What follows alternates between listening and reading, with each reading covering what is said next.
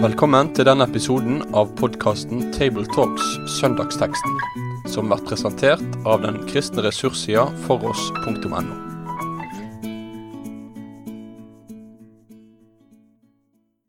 Da er vi tilbake fra Bergen med en ny episode av Table Talks. Vi skal snakke om teksten for aposteldagen 10. juli. Teksten er fra Markus kapittel 3 vers 13 til 19. Rundt bordet her sitter Rolf Kjøde, som er leder for strategisk utvikling ved NLA-høgskolen, og Jon Magne Sønstabø, som er prest i Delk her i Bergen. Mitt navn er Tarjei Gilje, jeg er til daglig redaktør i Dagen. Rolf leser. Så gikk Jesus opp i fjellet. Han kalla til seg de han ville, og de kom til han. Han peika ut tolv, som han òg kalla apostler, for at de skulle være med han, og for at han skulle sende de ut for å forkynne, og ha makt til å drive ut vonde ånder. Han peika ut de tolv.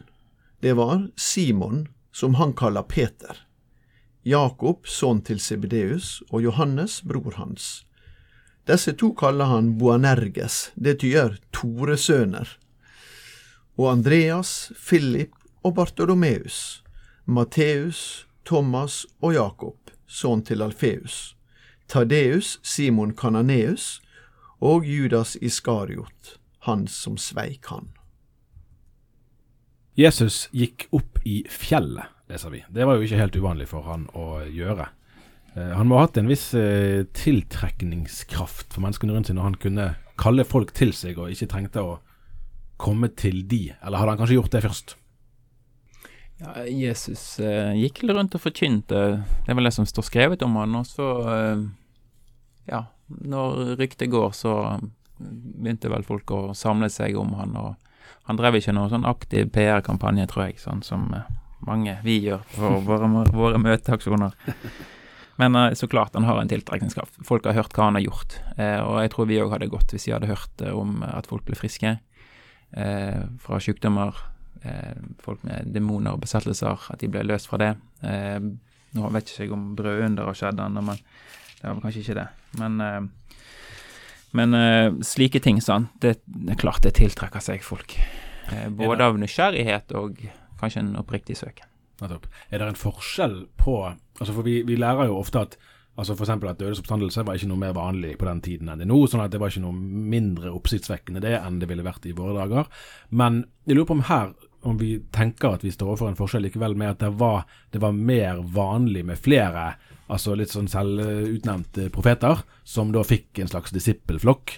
Eh, om dette i samtiden kunne bli oppfattet som et eller annet Å ja, nå er det han som er liksom den siste store hiten på et eller annet vis. Eh, om det er genuint forskjellig, det er jo antagelig ikke det. Eh, det er derfor jeg spør. Eh, fra vår egen tid. Eh, altså at folk var mer liksom, tilbøyelige til å følge da, en eller annen slags profet, uten helt å nødvendigvis vite hva dette var for en. Ja, ikke. Jeg, jeg tenker at uh, det som står her, er jo egentlig at Jesus bestemte hvem han ville ha med seg. Mm. Han plukka dem ut, og de kom. Og Det sier vel noe om den uh, autoritet som vi også leser om flere ganger i evangeliet, at Jesus, de oppfatter at han snakker med en annen autoritet enn fariseerne og de skriftlærde. Um, og, um, men poenget her er jo at han, dette er jo den lille flokken han tar med seg. Han tar ikke med seg den store flokken opp i fjellet, uh, men han tar med seg de han har valgt ut. Det ligger et veldig sterkt element av utvelgelse i det som, i det som ligger her. Uh, og Det som også jeg syns vi skal legge merke til, det er jo nettopp dette at han går opp i fjellet. Og det er jo generelt så er jo det gudsåpenbaringens sted. Uh, kan godt også si at Jesus trekker seg tilbake i fjellet når han skal tale med sin Gud. Og kanskje er det kombinasjonen av det her. Altså det inn i fortruligheten, trekke seg tilbake.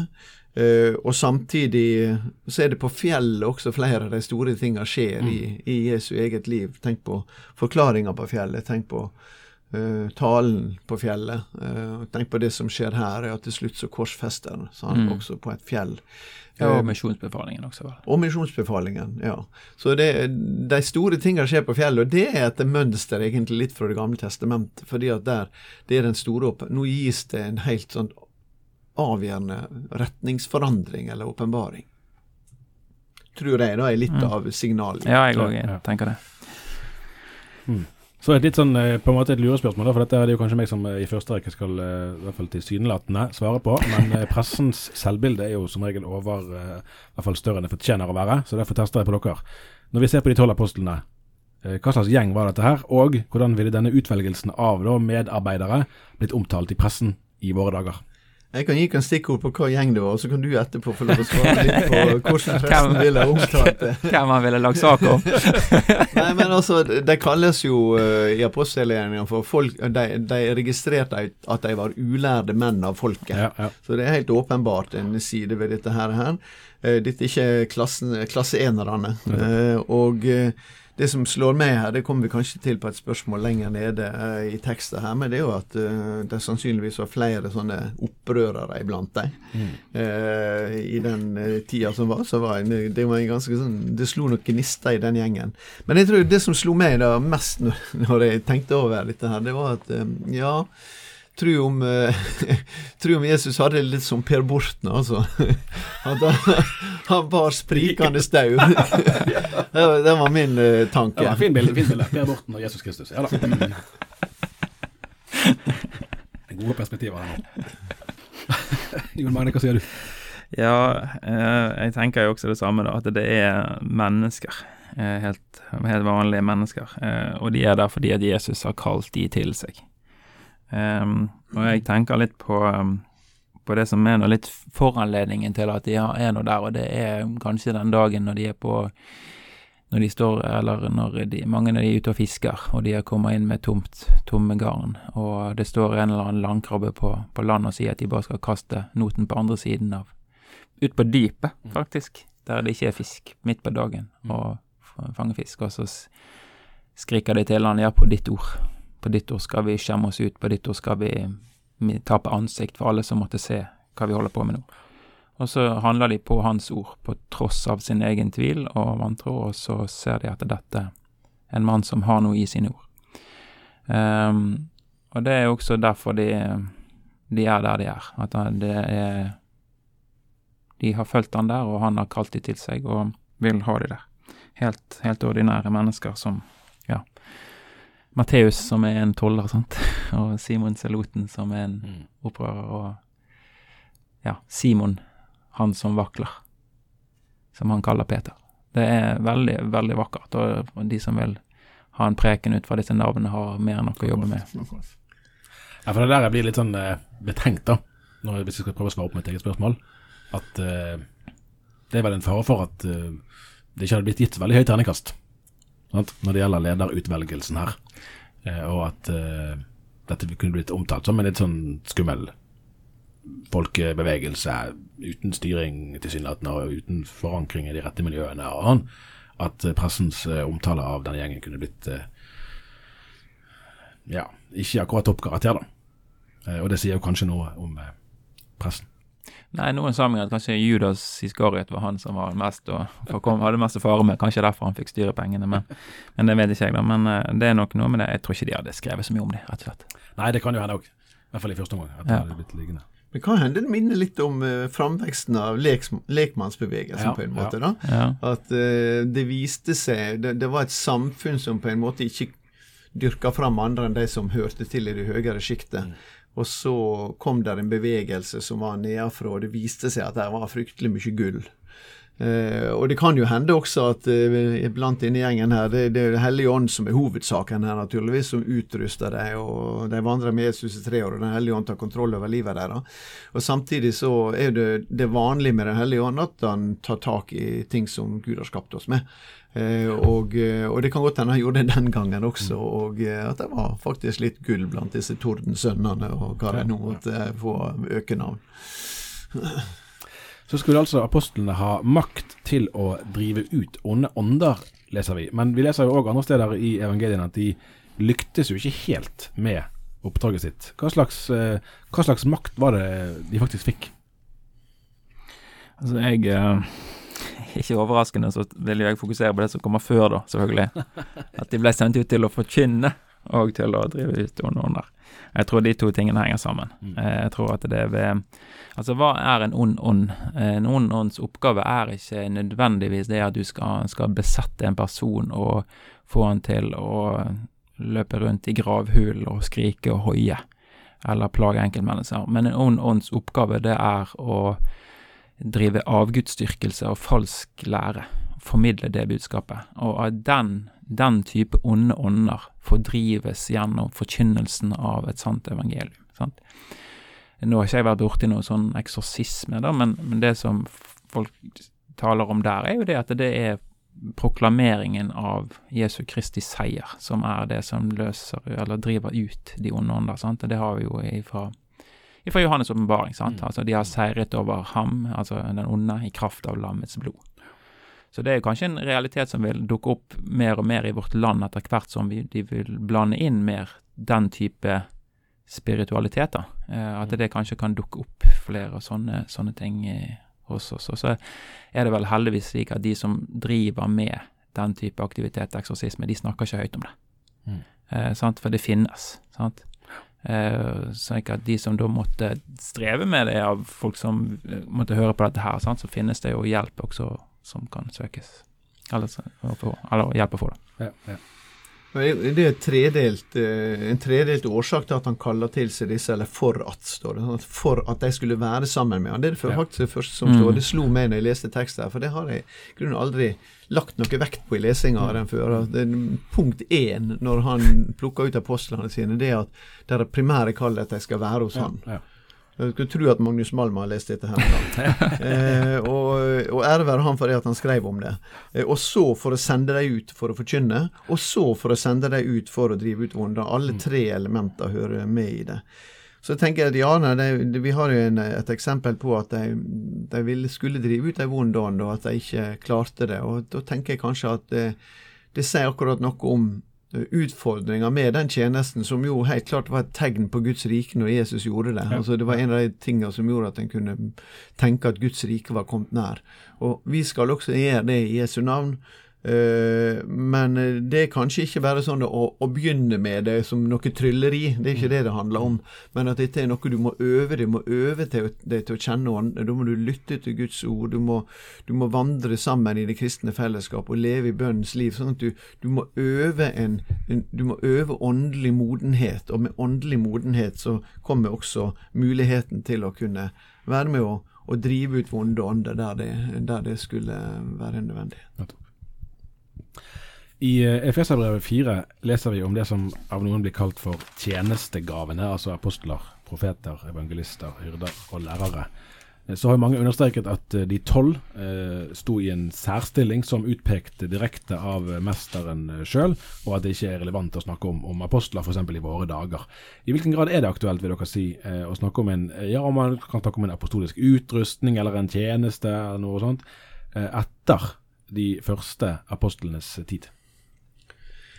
Nei, det er jo slik at eh, dette apostolos-ordet da, på gresken er jo et, i utgangspunktet et relativt sånt allment ord. Så, og så blir, det en, eh, så blir det noe som Jesus definerer, og det ser vi også i teksten. Han kalte dem apostler. Og Lukas er den som gjennomfører denne bruken av apostel på, på de tolv. Eh, så um, så det er ingen tvil om at de tolv står i en helt spesiell stilling.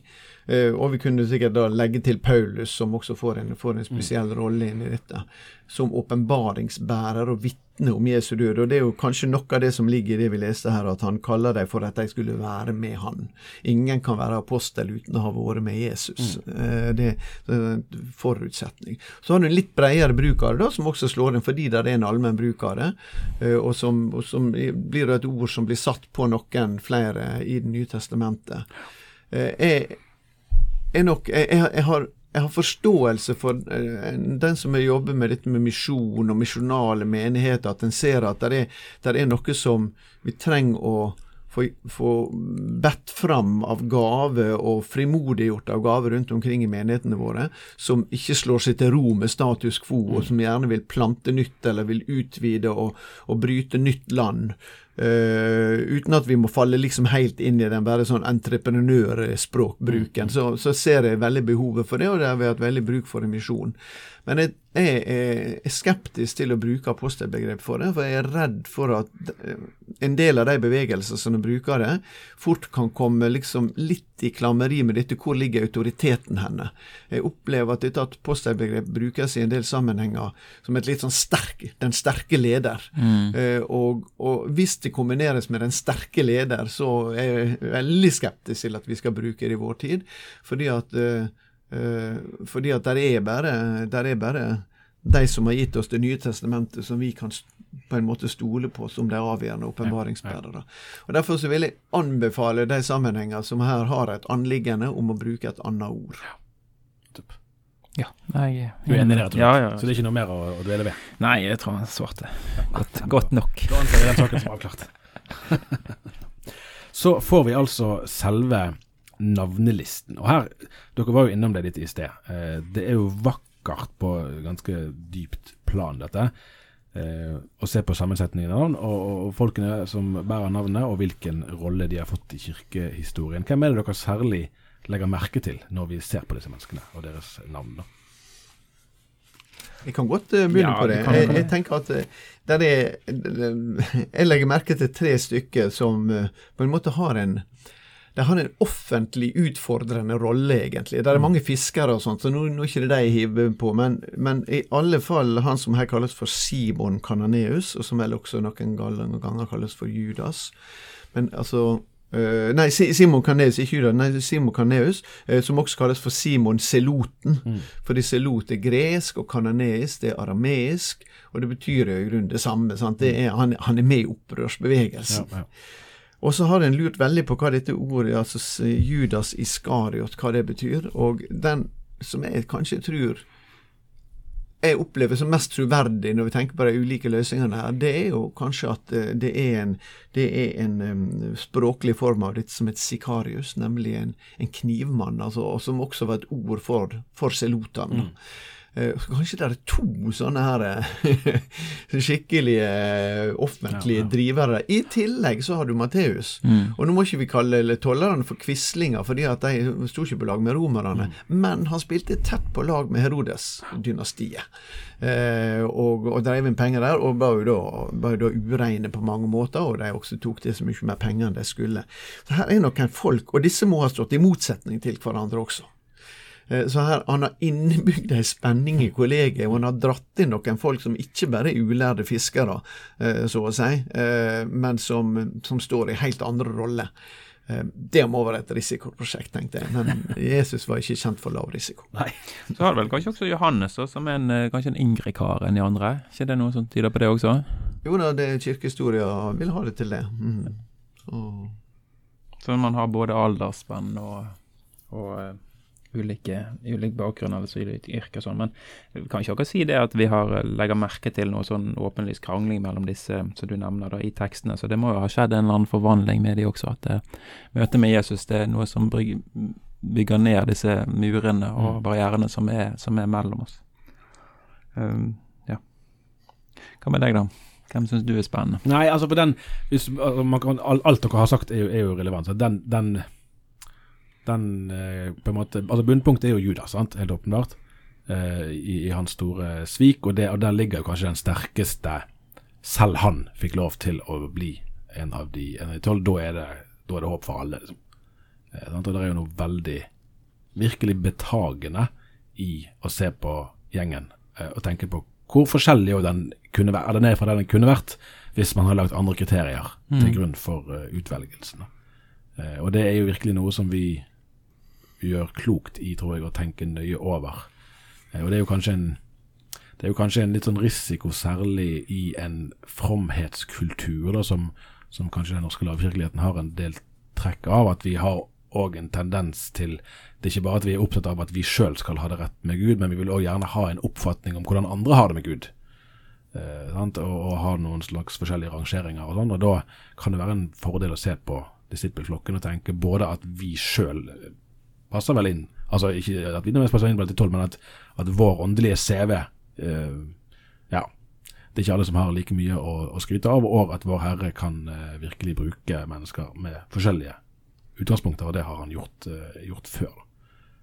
Sånn at trangen til å heve seg over andre er vel ikke spesielt Kristus-lik, for å si det sånn. Det er iallfall ikke et jobbintervju som, eh, som lover deg så veldig mye eh, bra, da. Det har jeg ofte tenkt på de som liksom vil inn i en sånn, sånn posisjon og kanskje navngir seg som apostler og sånne ting. Altså det er jo Du ber jo om eh, korsfestelse Ja, ja. i det. Eh, Ja, det er vel noen sånne, altså I noen av disse karismatiske miljøene som jeg har hatt litt kontakt med, som, som der disse titlene henger veldig høyt, mm. så er det jo enkelte som kan Det fortelles at noen som kunne komme, jeg tror jeg til John Wimber, eksempel, som grunnla Vinjard-bevegelsen, og si det som at 'jeg vil ha din åndelige autoritet', og så svarer han bare 'nei, det vil du ikke'. ja. Det kan være at du tror at du vil det ut fra det du kan se, men der er mye bak her som du ikke kan se. Dette vil du helst slippe. Eh, Og det er vel den mange prester og biskoper òg, gjennom kirkehistorien, og ikke minst i vår tid, sant? i land der det er kanskje større belastning med å være kristen enn det hos oss, at eh, det å trakte etter embeter, det er kanskje noe du gjør frem til du var 40, så skjønner du at det var ikke det du trakte etter. ja. Men denne apostolosen, da, altså det er jo det er en autorisert utsending her som har vandret sammen med Jesus, men det er jo et utsendingsord, og det er på en måte et ord for misjonær. da. Og jeg har jo som misjonsleder jeg syns det alltid var fascinerende med disse her oldkirkelige historiene om, om hvor det gikk med disse apostlene, og hvor de reiste hen. og Nå veit jo ikke vi det for sikkert, for det er Eusebius rundt litt etter år 300 som skriver om dette her, biskopen i Cesarea. Eh, Men han har en, en kilde, og det er jo Hippolyt som var 100 år eldre, hadde jeg nær sagt, og rundt år 200 i Roma. Eh, og, så det kan hende det er noe i en del av det. Peter kan vi vite med rimelig sikkerhet eh, hvordan det gikk med. Eh, men vi vet også en del av disse andre tradisjonene som drar mot India for Thomas, om han kom dit eller ikke. av over den såkalte grava hans, så får vi tenke det om det som vi vil. Eh, Bartolomeus som reiser nord nordover til Kaukasus, flere andre gjør det. De, de spres rundt omkring, og de blir misjonærer.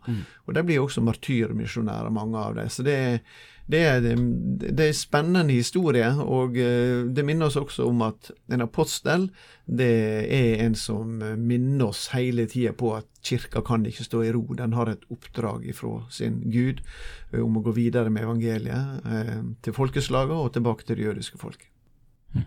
Jeg dveler litt ved, ved samme tematikk som vi har vært innom her. I, løpet av de senere årene så har jo ledelse i stor grad blitt, eh, blitt et eget fag. Sånn var det jo ikke før, som det heter.